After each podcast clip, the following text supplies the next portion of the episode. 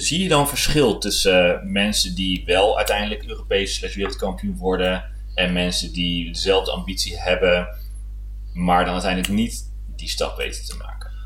En dat is ook zo. Er is iets over te zeggen.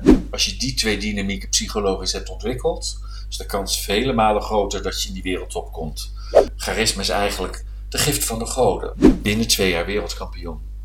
Toch wel leuk. Heel gaaf. Hollands jongetje uit de klei uh, schrijft een boek wat, wat over de hele wereld gaat. Ik heb eens een keer een lijst gemaakt omdat de Nederlandse Sportbond niet wist wat ik deed. En toen zei ik, nou hier heb je ze. En dat waren er meer dan, meer dan 50 wereldtitels. Dit is Ballroom Business, de podcast voor dansliefhebbers. Waar sport, kunst, onderwijs en ondernemen samenkomen. Dit is Robin, oprichter van Fellerstep. En dit zijn de verhalen van dansers en ondernemers die de wereld elke dag een beetje mooier maken. Eén stapje tegelijk. Vandaag hebben wij een bijzondere gast in de Ballroom Business Podcast. Wij zijn nu bij hem op bezoek in plaats van dat hij bij ons in de studio is. We zijn heel blij dat hij tijd voor ons heeft willen maken. Een zeer populaire man met een heel drukke agenda, die gelukkig nog tijd heeft kunnen vinden om met ons in gesprek te gaan over zijn nieuwste boek, The Charismatic Dancer.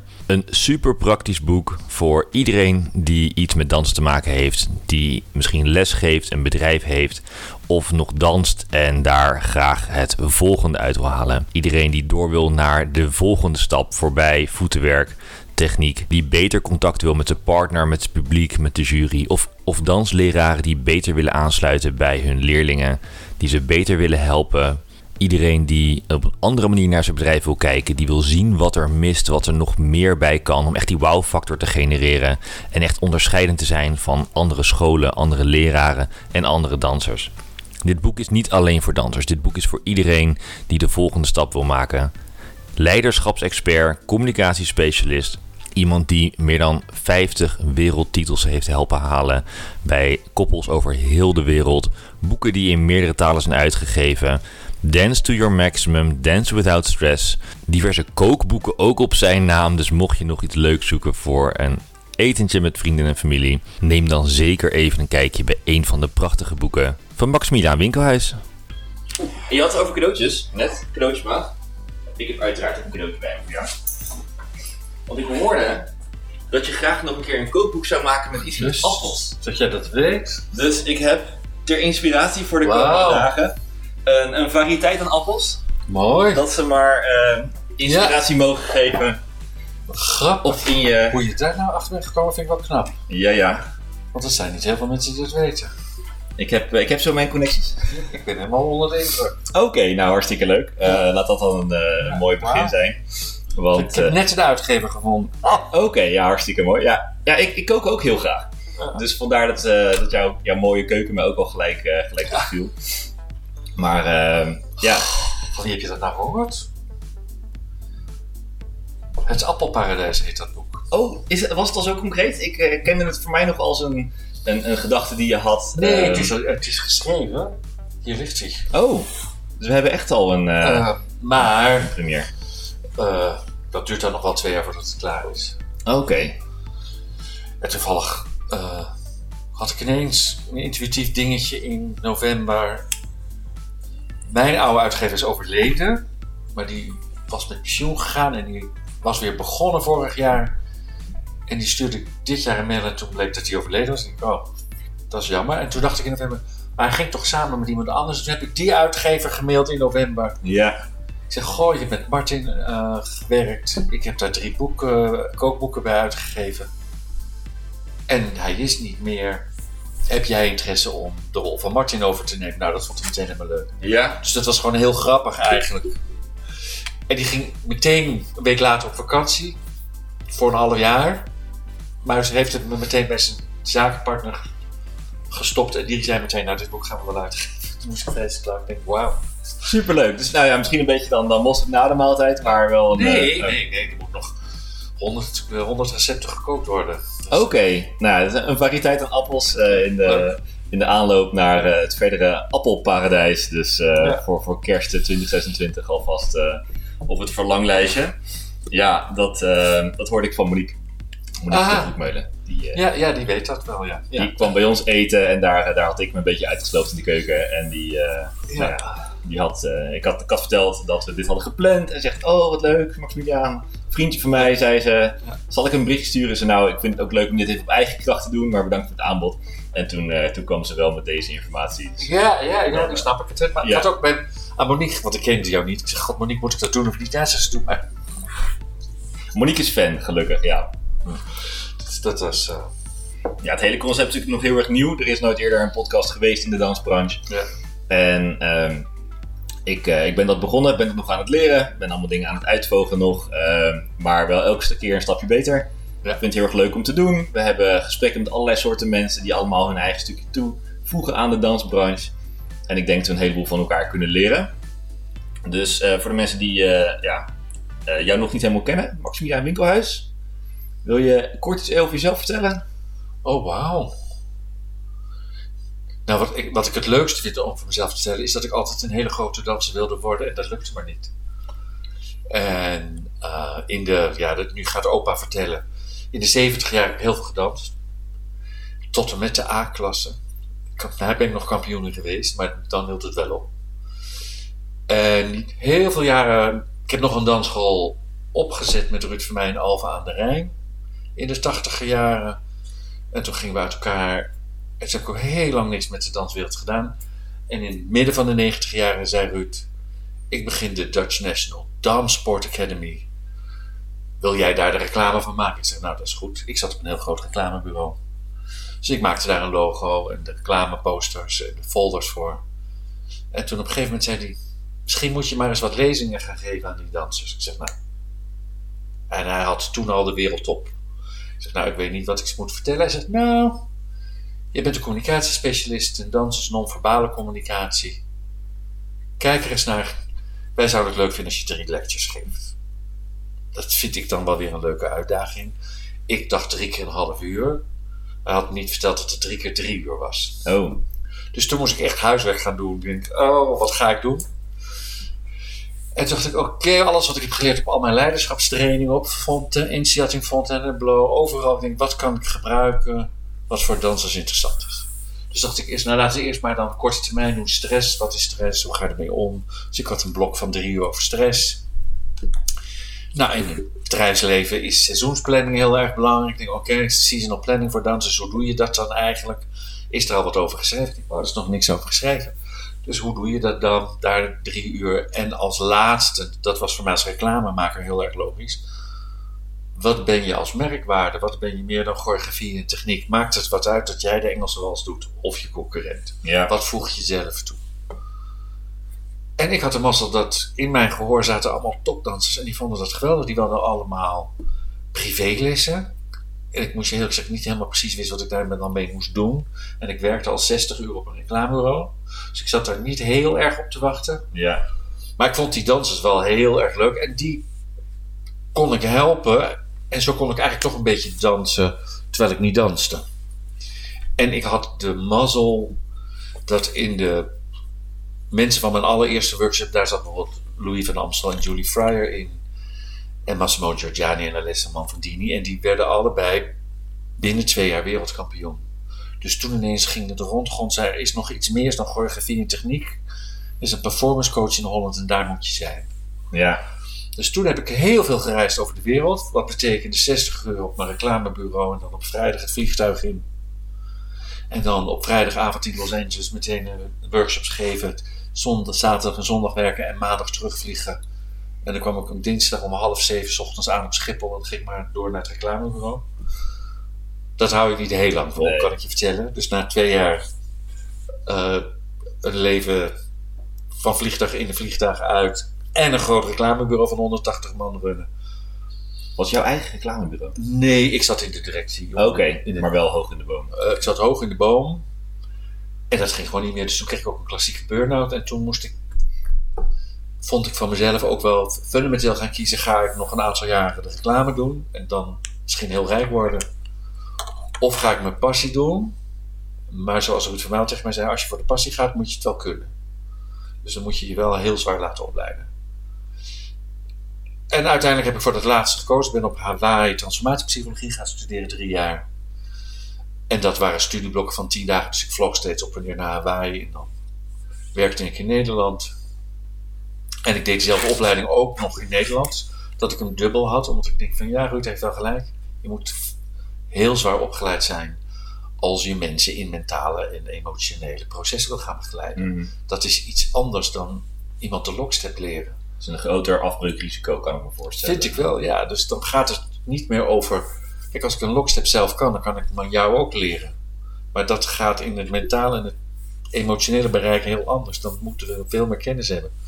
Dus dat heb ik gedaan. Die kennis die ik daar heb geleerd, die heb ik allemaal geschreven in mijn eerste boek. Die ligt Dance to hier. your maximum, ja. Dance to Your Maximum, waarvan ik nooit had geweten dat die in zes verschillende talen zou verschijnen. En de Engelse versie is geloof ik zeven keer herdrukt. Ehm, en dat is nog steeds een gevraagd boek. Zijn ze op dit moment even in herdruk, dus nu kan je me... Ja, nou, ik heb hem al liggen, dus ik heb niet eh, per se de herdruk eh, nodig. Maar Goed zo. Ik kwam hem... En hier eh, ligt hij in hem het eh, Chinees en hier ligt hij in het Russisch. En hij is er in het Servisch en in het Koreaans. En toch wel leuk. Heel gaaf. Hollands jongetje uit de klei eh, schrijft een boek wat, eh, wat over de hele wereld gaat.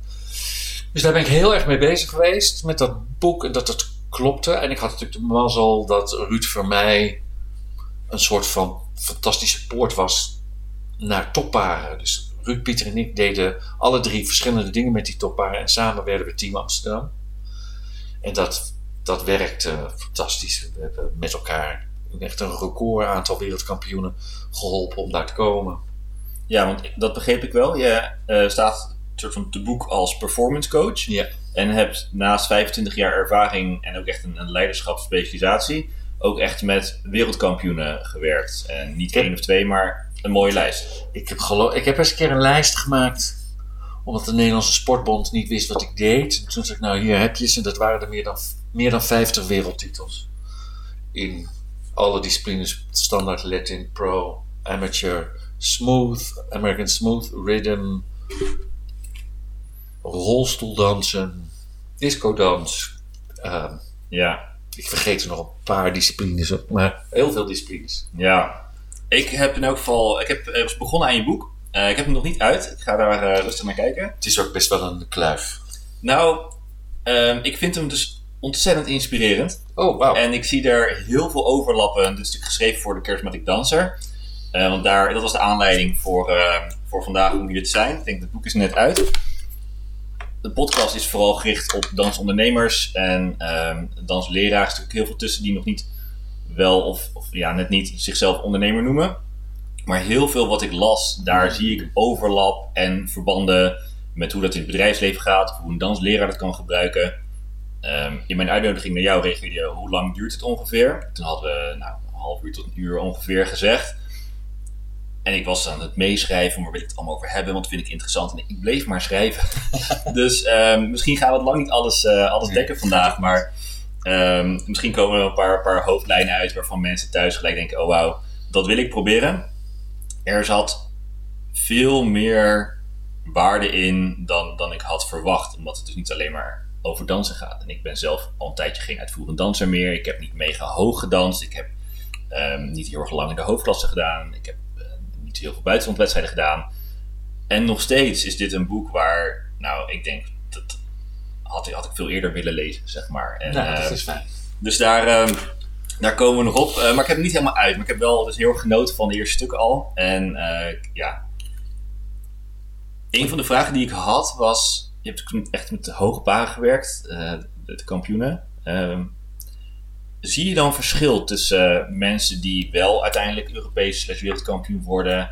en mensen die dezelfde ambitie hebben... maar dan uiteindelijk niet die stap weten te maken?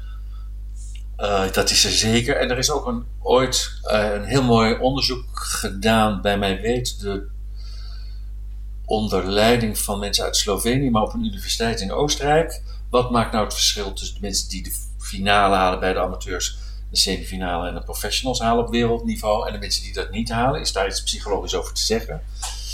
Eh, en dat is ook zo. Er is iets over te zeggen. En dat is eh, de bereidheid om naar jezelf te kijken. Dus ben ik bereid om te kijken wat ik zelf verkeerd doe en hoe kan ik dat verbeteren? Dat is de ene dynamiek die ze hebben. En openheid voor nieuwe informatie.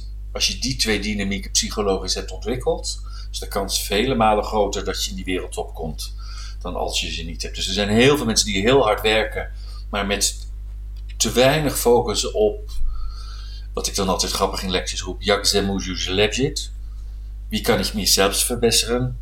How can I improve myself? Hoe kan ik mezelf verbeteren? Dat is een kernvraag voor topdansers. En, dus wat je, en ik snap het heel goed als je een wedstrijd hebt gedanst. En je hebt net die ronde niet gehad die je wil halen, dat je dan even vijf minuten boos bent. Ja. Tien minuten mag ook nog. En daarna gaat toch de vraag komen: niet te gaan kijken, maar die had ik ook nog wel kunnen verslaan en die had ik ook nog wel kunnen verslaan, want daar leer ik niks van. Wat heb ik gemist? Wat zijn de dingen die ik niet goed heb gedaan vandaag? Je kan het altijd verklaren vanuit politieke standpunten en juryvoorkeuren. En dat leert niks. Dus die openheid van jezelf onder ogen kijken van wat kan ik hier nu van leren? Wat gaat er goed en niet goed? En ben ik in voor nieuwe informatie? Dat zijn de twee dingen.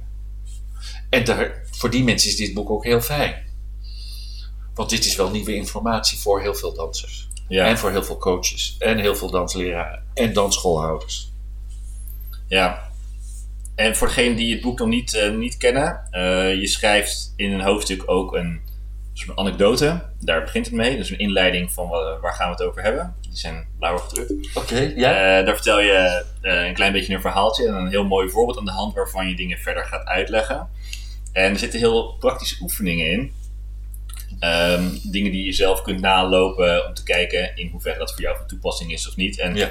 uh, wat, ik, wat ik nu hoor zeggen is ook een stukje authenticiteit waarover je praten. En de gevoelens die we van binnen voelen en hoe we naar buiten treden. Ja. Dus mensen die wat oppervlakkig Misschien is het goed om even een, een ruwschetsje van het boek te geven. Ja, alsjeblieft. Um, als je gaat kijken naar wat mensen charismatisch maakt. Uh, ik heb op INSEAD gezeten in Frankrijk.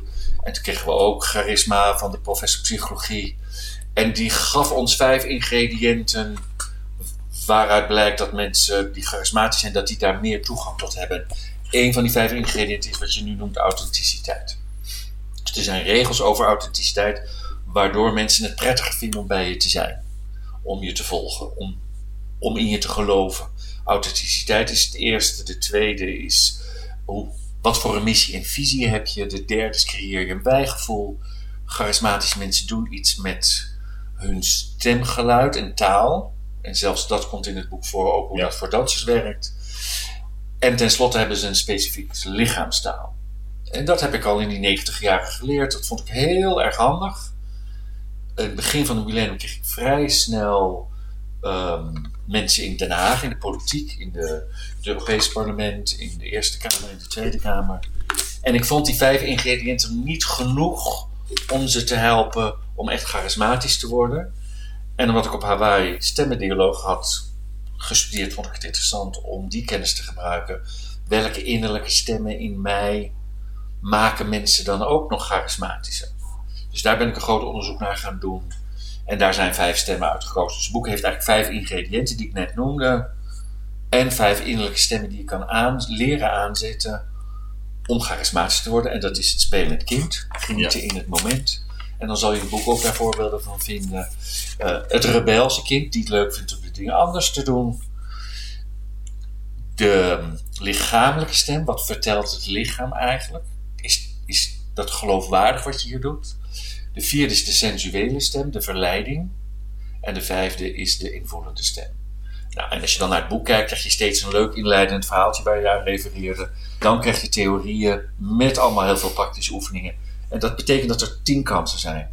Vijf ingrediënten of vijf stemmen.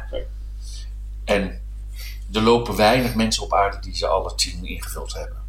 Dus het is ook fijn om te weten dat je al heel charismatisch bent als je twee stemmen aan kan zetten.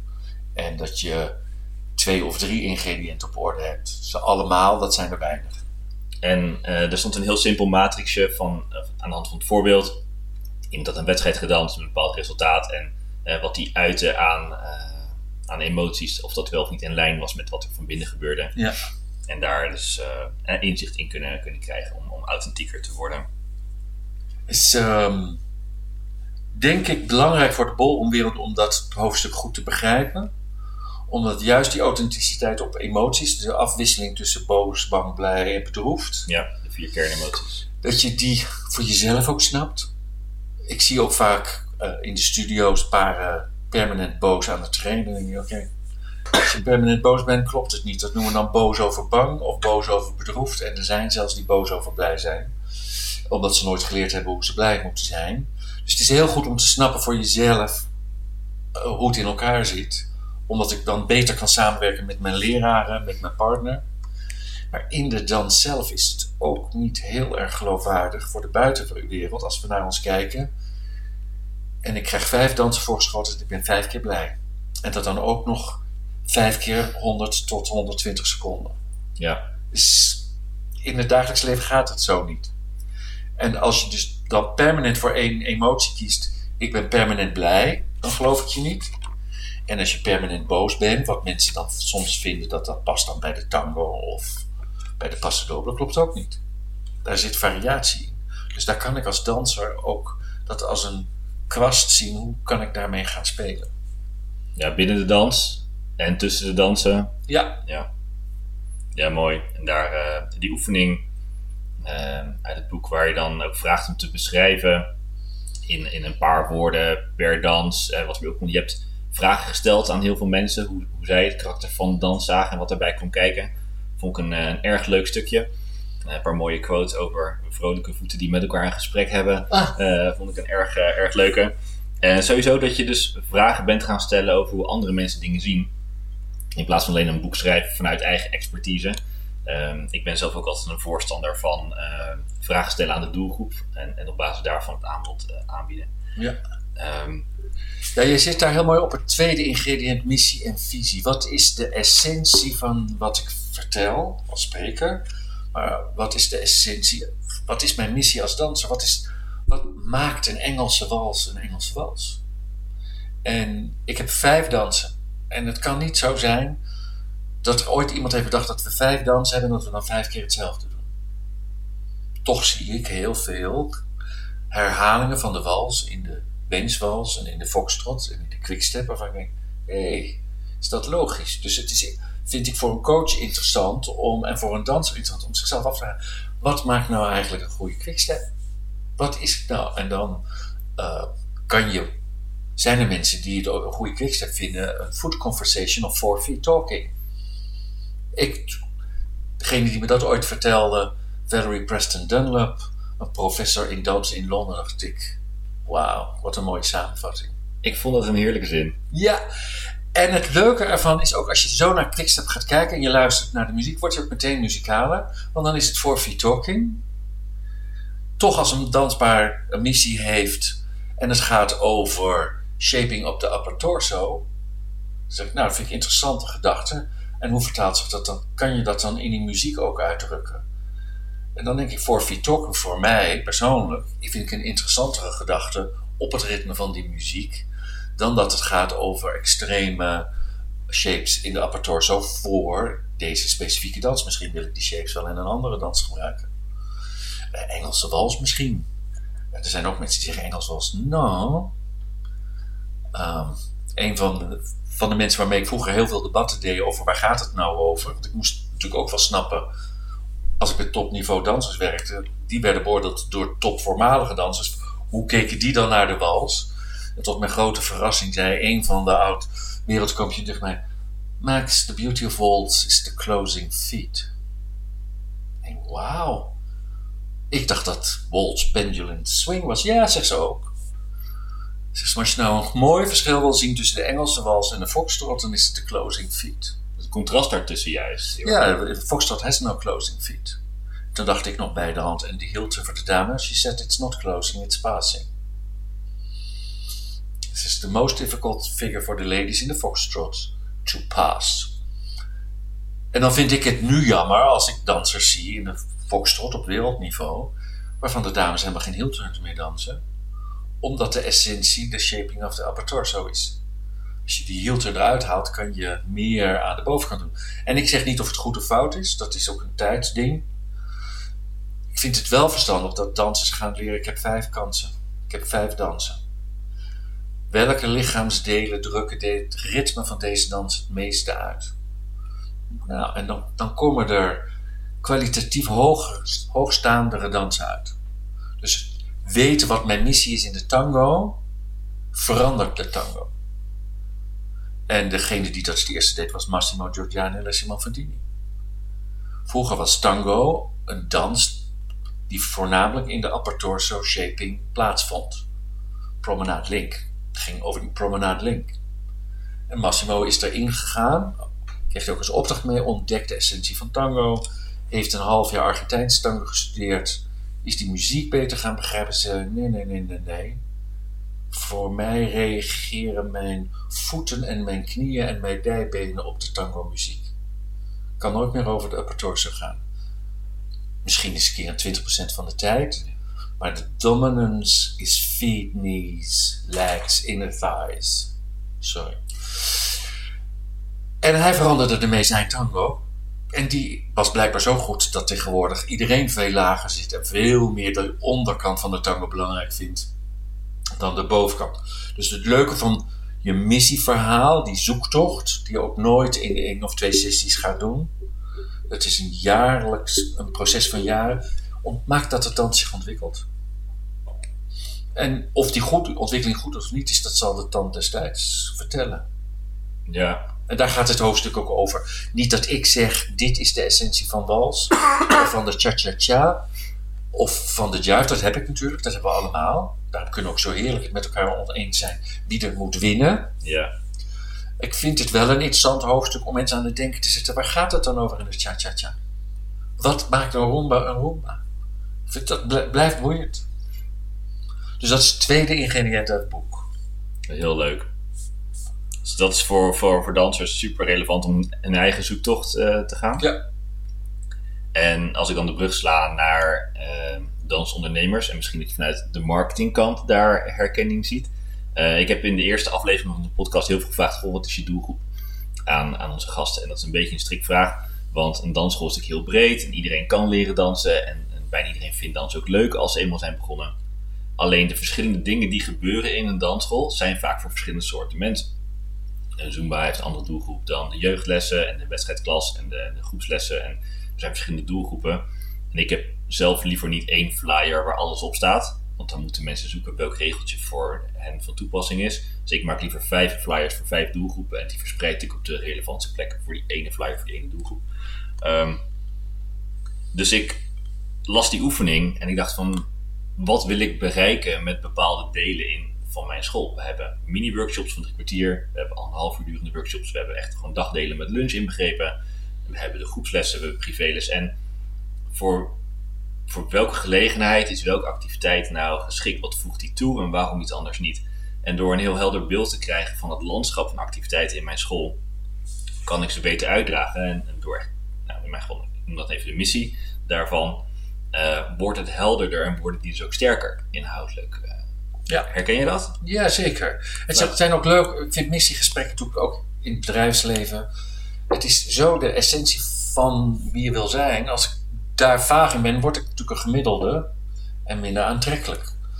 En een van de dingen, als we het over de missies hebben van producten of bedrijven, vind ik het allerbelangrijkste, volgens mij staat ook ergens in het boek, maar ik heb zoveel geschreven dat ik het soms niet meer weet waar het staat, uh, is de wet van de verrassing. Wat is die? De wet van de verrassing. Waar zit de verrassing in? Al, charismatische mensen doen altijd iets onverwachts verrassends.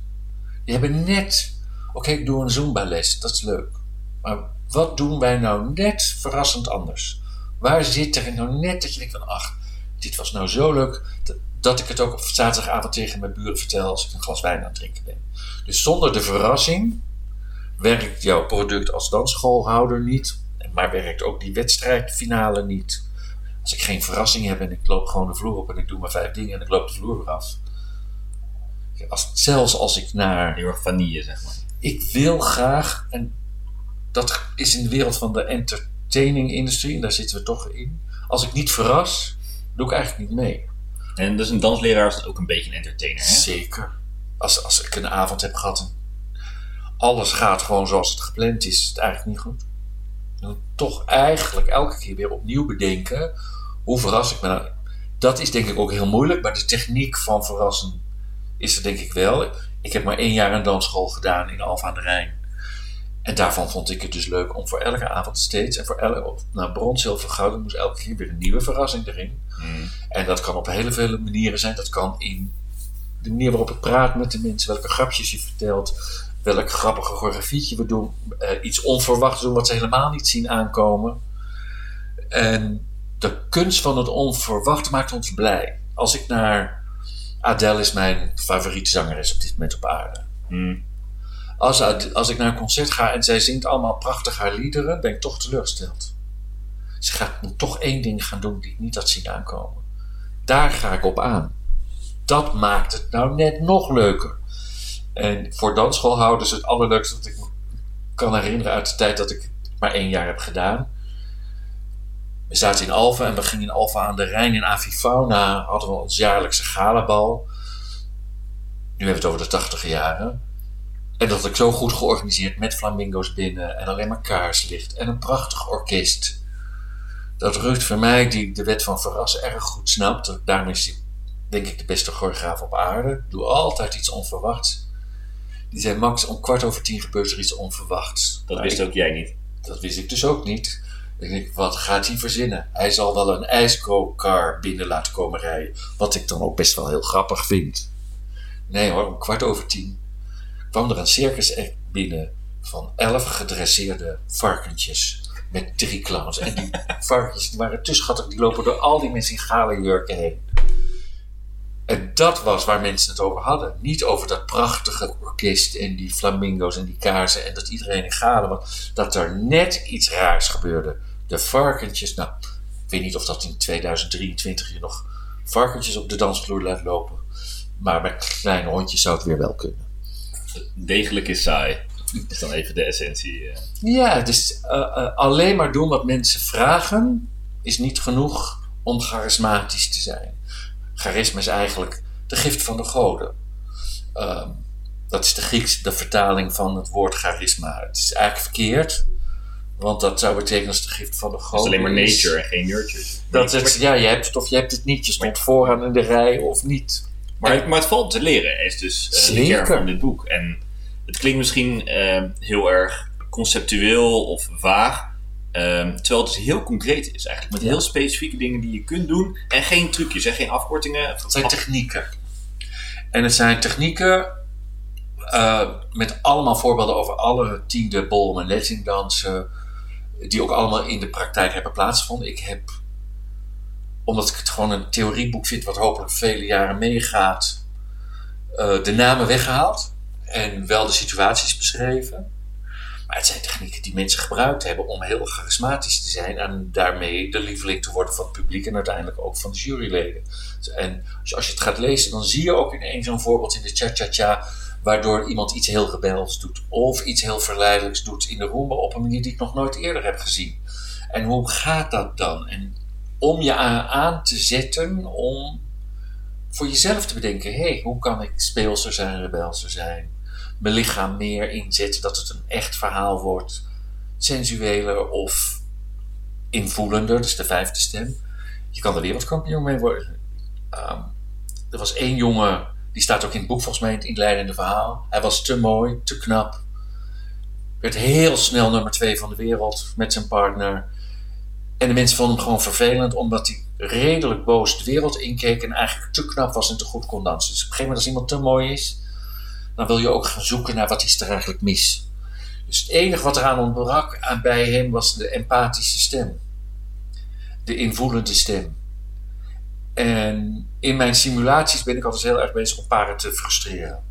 Dat gewoon in de weg lopen, dat je er niet langs kan. Nou, daar heb ik heel wat paren mee geholpen, zodat ze op die kampioenschappen de lol hadden om dikke Max heen te dansen. En dat is dan toevallig je concurrent, maar die techniek heb je dan. En in dit geval was het was een grote finale van een Grand Slam wedstrijd. Met een danseres die nooit van haar voeten valt.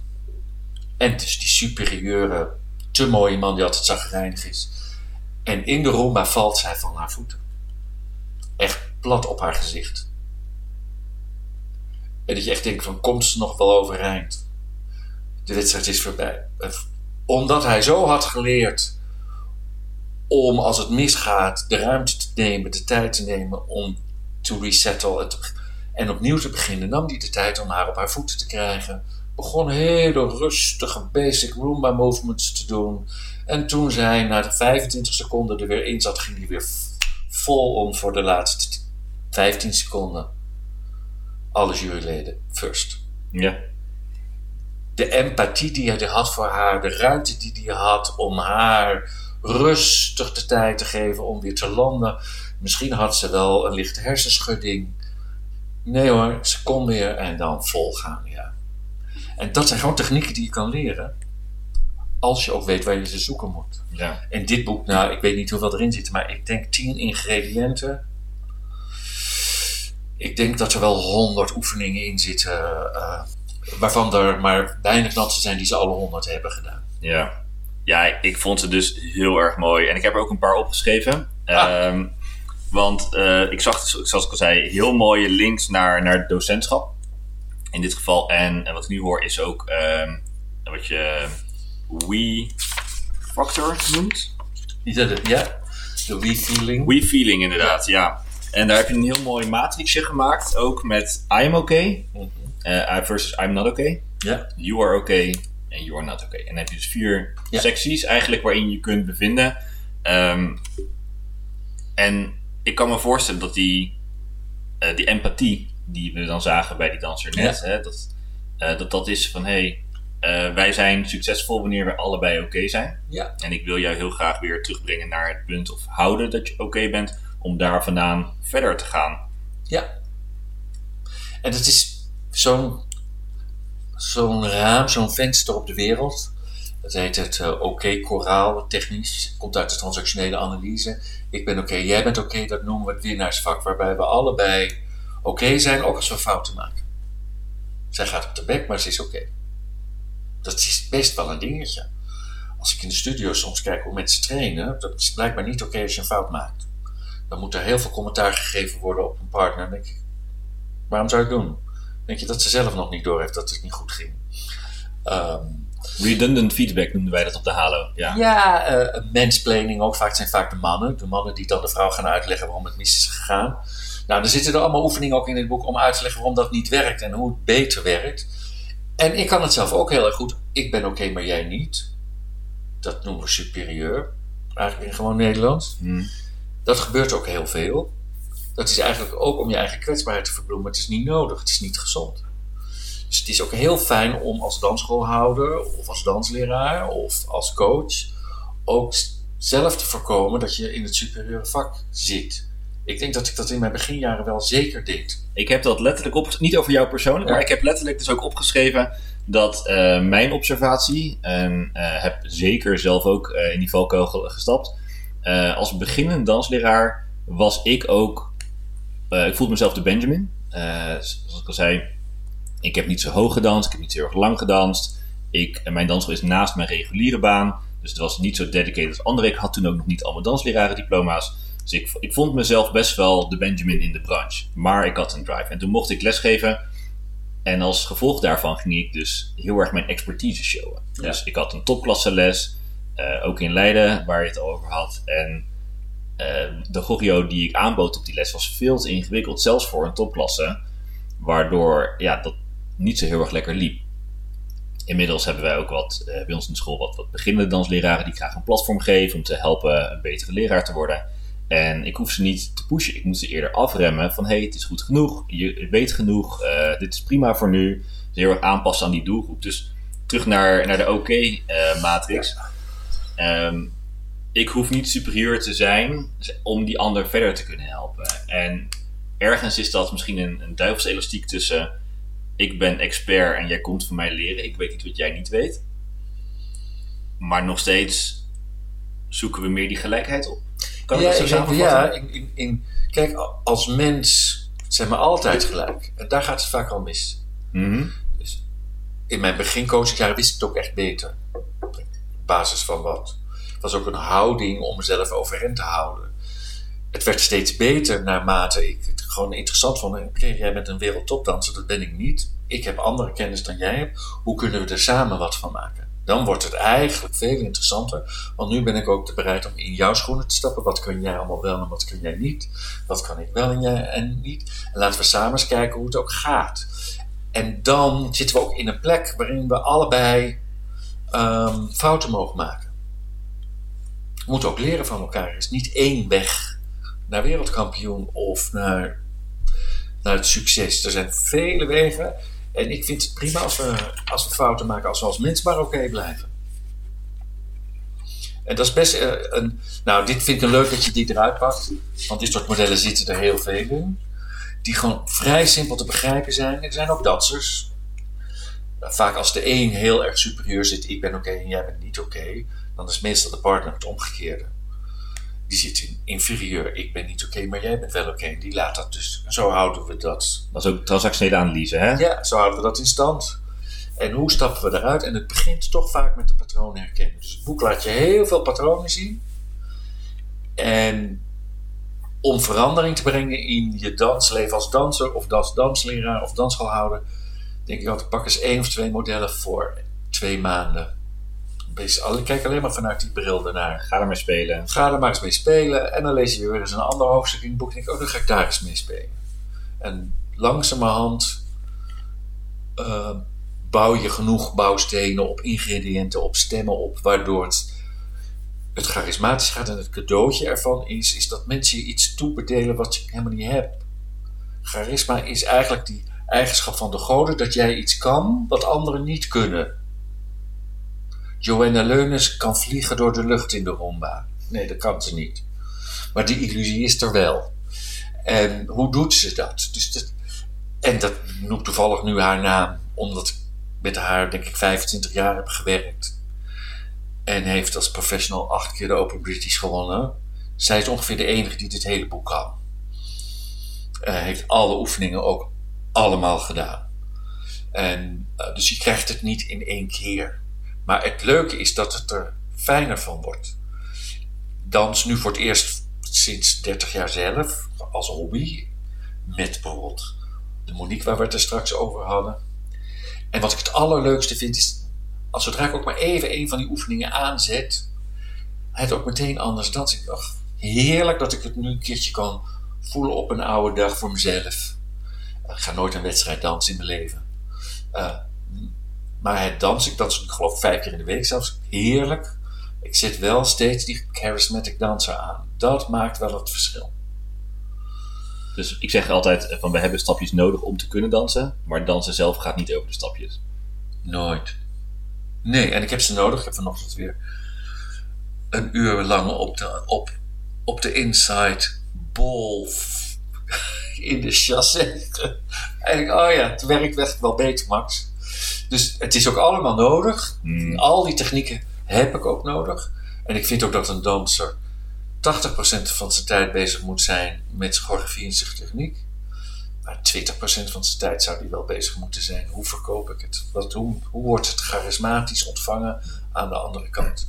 Uiteindelijk op elk kampioenschap, the most charismatic one will take the title. Ja, het is geen quick fix om te verhullen dat je techniek niet in orde is. Maar het is, het is, zeker een noodzakelijke aanvulling. En die volgens mij dan, als ik het even samen mag vatten, niet gaat over per se een verkoopverhaal, maar echt het van binnen goed voelen, waardoor het naar buiten ook uitstraalt en opgepakt kan worden door een ander. En als ik mezelf charismatisch vind, vindt de wereld dat meestal ook. Als ik mezelf al 13 in een dozijn vind en ik loop zo de vloer op, ja. ja, dan is de kans wel heel erg klein dat een compleet jurypanel zegt: You are first. Dus het, begint, het huiswerk begint ook bij jezelf. Ik vind zelf wel dat ik iets bijzonders te brengen heb. En dan zijn er heel veel technieken die die kant op helpen. En het maakt het ook gewoon prettiger om te dansen. Dus wat ik vaak hoor van mijn collega's, techniekleraren en choreografen. Zodra dansers die technieken gaan gebruiken, dansen ze technisch meteen beter, omdat er heel veel stress uit is. Ja, ja stress is echt killing hè? Ja. En die oefeningen waar we het een paar keer over hebben, ik heb er uh, dus een paar langs zien komen. uh, ik heb er ook eentje gezien waarvan ik me kan voorstellen dat een danser die nou, nog helemaal nooit hiermee bezig is geweest, dat misschien heel kwetsbaar vindt. Zich heel kwetsbaar voelt. En denkt, oh, het was... dat zou ik jammer vinden. Nou, dat is even invullen van mijn kant, zeg maar. Ehm, maar om echt stapjes los te laten, op de grond te gaan liggen, ogen dicht te doen en uh, dingen, dingen te voelen en, te, en introspectief bezig te zijn. Stel dat een, een leerling denkt, nou, eh, wil niet, voelt ongemakkelijk. Ehm, hoe zou je daarmee omgaan? Of heb je nog tips voor mensen die nou, misschien een beetje zweverig vinden? Die mensen komen niet zo gauw bij mij. En ook niet bij, bij mijn oude collega's Ruud van mij en Pieter Townsend. Omdat wij ons vooral targeten op dansers die de behoefte hebben om zichzelf te verbeteren. En te zien waar de, waar de verbetering zit. En die openstaan voor nieuwe informatie. Dus ja, als je heel erg gesloten oester bent, die komen ook nooit bij mij. Dus als ze bij mij komen, dan weten ze ja. dat ze nieuwe deuren uh, open gaan doen. En dat ze dat moeilijk vinden, daar heb ik respect voor. En je hoeft bij mij echt niet een opera te gaan zingen in de eerste, eerste sessie die we doen. En waarschijnlijk ook niet in de vijfde. Uh, maar het kan zijn dat het toevallig wel een keertje voorkomt, ergens vijf minuten. Um, ook om je uit je oude patroon te halen. Dus ik snap wel dat het lastig is voor mensen. En het doet me denken aan mezelf. Ik had vroeger les van een van de allerbeste ballroomdansers op aarde, Byron Charlton. Die was de nummer 2 in de 70 jaren. Uh, is uiteindelijk nog gaan dansen met de vrouw waarmee ik wilde dansen, Nicoline Slichting. Mhm. uh, en uh, ik kwam met haar, met haar bij hem voor een try-out. En hij zei tegen Nicoline, nou, ik zou niet met die jongen gaan dansen. Hij is niet goed genoeg voor je. Hij was mijn eigen leraar. Dat was oud. Tegenwoordig dans ik met Nicoline. Dus we hebben het na 40 jaar weer goed recht getrokken. Maar wat Byron zei, waar ik het fundamenteel mee oneens was, niet dat ik geen talent had, want daar had hij gelijk in. Ik wilde toen al spelen. En rebelse dingen doen. Zat hij uh, en in Rebel voor? Hij zei, nee, je moet eerst alle techniek op orde hebben. En dan mag je later ermee gaan spelen. Dus ik moest maar steeds alleen maar techniek, techniek, techniek doen. Terwijl ik een creatief kind was die wilde spelen. En dat is eigenlijk tegen een kind van drie jaar zegt die zijn eerste kaartje en vel papier heeft zegt van nee, je mag nog niet tekenen. Je moet nu eerst leren wat tekenen is. Dus ik ben daar heel erg voor juist om in een vroeger stadium mensen de creativiteit toe te laten. Laat ze ook vooral juist spelen met de dans. Uh, wat er bijna altijd gebeurt is dat dansers beter worden en dan gaan ze nog meer naar de regels en dan worden ze nog meer zoals alle anderen. En de uniciteit gaat eruit. Tegen de tijd dat ze in de wereldfinale komen, moet ik harder werken dan om ze weer open te krijgen. Ja, want je hebt het over de Playful Child Inner Voice in je boek. Ja. Dus, de uh, spelende stem. Ja, Dare to Play heb ik daarbij ja. geschreven. En die zie je dus vooral bij de jonge carrière. Dus de beginnende dansers die nog heel veel enjoyment hebben in het dansen. Kan het zijn dat het, het lessysteem, net als het algemene schoolsysteem misschien, dat er een beetje uit ja, ik denk dat het heel jammer is dat de Playful Child is een van de redenen waarom we eigenlijk willen spelen. En dat doen we dan in de vorm van dans. Dus dat speelelement daaruit haalt. Zegt nee, je moet eerst alle techniek hebben en dan mag je later spelen. Nee, Max wilde meteen wel spelen. Genieten van het moment zelf. Dus, hoe, dus het is ook heel vaak nodig dat je dansers weer opnieuw leert, als ze goed zijn, te genieten van wat ze kunnen. En wat bedoelen we daarmee? Kan je genieten van de stretching, de bending, de turning, de traveling, de overbalancing? Of ben je het alleen nog maar aan het doen? En de meesten zijn het alleen nog maar aan het doen en zijn dus niet meer in het moment. Pas als ik het in het moment voel, dan heb ik die ervaring en kan ik daarvan genieten. Of kan ik het heel moeilijk vinden, of heel pijnlijk vinden. Ja. Maar ik zit wel in het moment. Dus het is juist heel erg nodig dat, we, dat spelend kind. Uh, eigenlijk, als ik naar een finale kijk op zo'n Nederlands kampioenschap of een EK of een WK, wie het beste kan spelen in de finale, wint eigenlijk altijd. Laat ook zien dat hij in controle is. Die is, de stress is eraf. Die kan spelen met zichzelf, met zijn partner, met het publiek. Het charisma staat aan. En of die nou technisch beter is of niet, is dan eigenlijk niet meer relevant. Hij is vrij. Zij is vrij. Ze hebben een echte interactie, een echte dialoog met elkaar en met het publiek. En dan kunnen we achteraf allemaal cijferreeks geven over techniek en partner skills en musicaliteit. Uiteindelijk zijn we mensen en geen robotten. Pas als uh, AI ons gaat jureren, dan wordt charisma ingewikkeld. Maar zolang we nog menselijke juryleden hebben, die gaan uiteindelijk, kiezen ze door het hart en ze rationaliseren het achteraf door het hoofd. Zoals met al onze beslissingen. Precies. Heel mooi. als ik als dansleraar aan de slag wil gaan om ook met mijn dansers met meer charisma te gaan werken, aan hun charisma uh, in dit geval, waar zou ik dan kunnen beginnen? Ik zou altijd beginnen met het hoofd. Ik zou het boek een keertje helemaal lezen en dan, waar heb ik zin in? Heb ik, eh, waar kan ik zelf makkelijk bij? Als ik een leraar ben die zelf het innerlijke kind in mij verstoten heeft, om dan met het spelende kind te beginnen, wordt wel ingewikkeld. Dus dan kan je misschien beter bij de lichamelijke stem of bij de invoelende stem beginnen. Dus je moet als, als jij de leider bent, pak je altijd een onderwerp waar je jezelf comfortabel in, in voelt. Ik zou, eerlijk gezegd, als ik nu een jonge leraar was, dan zou ik ook een clubje van, van vijf leraren zoeken, of zes. En dan gaan we één keer in de maand gaan we een hoofdstuk van Max allemaal gelezen en dan gaan we al die oefeningen met elkaar doen. Oh, ja. Dan heb ik het gewoon als leraar onderling, hebben we het al een beetje uitgeprobeerd. En dan, oh, dit bevalt me wel, dan kan ik het nu brengen naar de klasse die ik gewoon commercieel verkoop. Ik wil het, ik wil het risico niet lopen dat ik voor een groep sta met een oefening uit het boek van Max en ik weet niet hoe het werkt. Dus ik vind zo'n oefengroepje vind ik eigenlijk altijd wel. Gewoon spiegelen en sparren met gelijke Gewoon spelen met elkaar. Wat staat er in het hoofdstuk over missie en visie? Laten we er eens over gaan praten. En hoe kunnen we hier nou iets mee doen met onze lessen die we doen? En dan kun je elkaar erin adviseren. En dan ben je verrast. Eigenlijk is iedereen zijn beste coach, maar ik heb een ander nodig om het eruit te trekken. Dus dat soort intervisiegroepjes lijkt mij. Het is eigenlijk een boekenclub. boekenclub de ik wilde het niet zeggen. Maar, ja. Alleen we gaan dan daarna gewoon. We lezen allemaal het hoofdstuk en dan gaan we gewoon 2,5 uur oefening uit het boek met elkaar doen. En kijken of het werkt. Hoe voelt het? Wat komt er bij jou op? Ja, wat gebeurt er bij mij? En hé, hoe, hoe zou jij dat doen? En die zegt, nou, ik denk als ik het nou zo doe. Goudmijn. En overigens is het ook zo begonnen.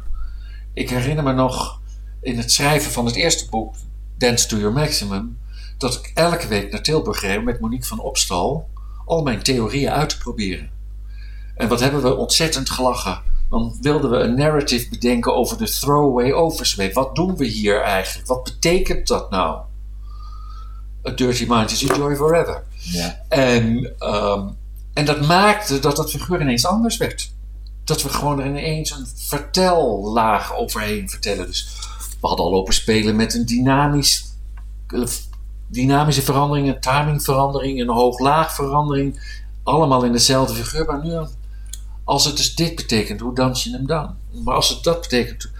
En het was gewoon, elke week keek ik er naar uit. Met Monique gingen we weer, al gingen we weer een hoofdstukje uit dat andere boek gingen we uitproberen. En daar bleken theorieën te zijn die niet werkten. Daar bleken theorieën te zijn die wel werkten. En je moet het ervaren en je moet het doen. Het boekje is het leukst als je het met een clubje gaat doen. Denk ik.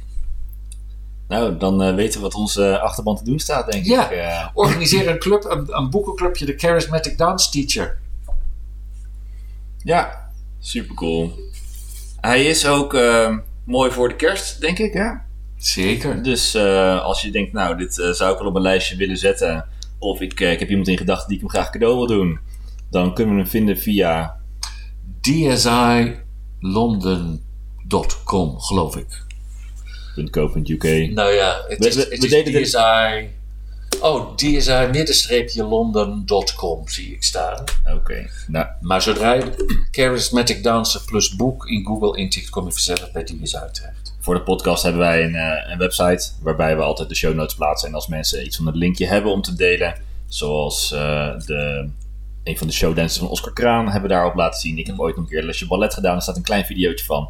Dus we zullen ook op uh, verderstep.nl slash podcast nog eh, de link naar, eh, naar het boek zetten. Ja, en mocht je paniek hebben dat je dit eh, op 23 december hoort, er liggen ook nog wel eh, een aantal boeken in Broek en Water. Dus met spoed kan je nog naar Broek en Waterland rijden en hem afhalen. Hartstikke mooi.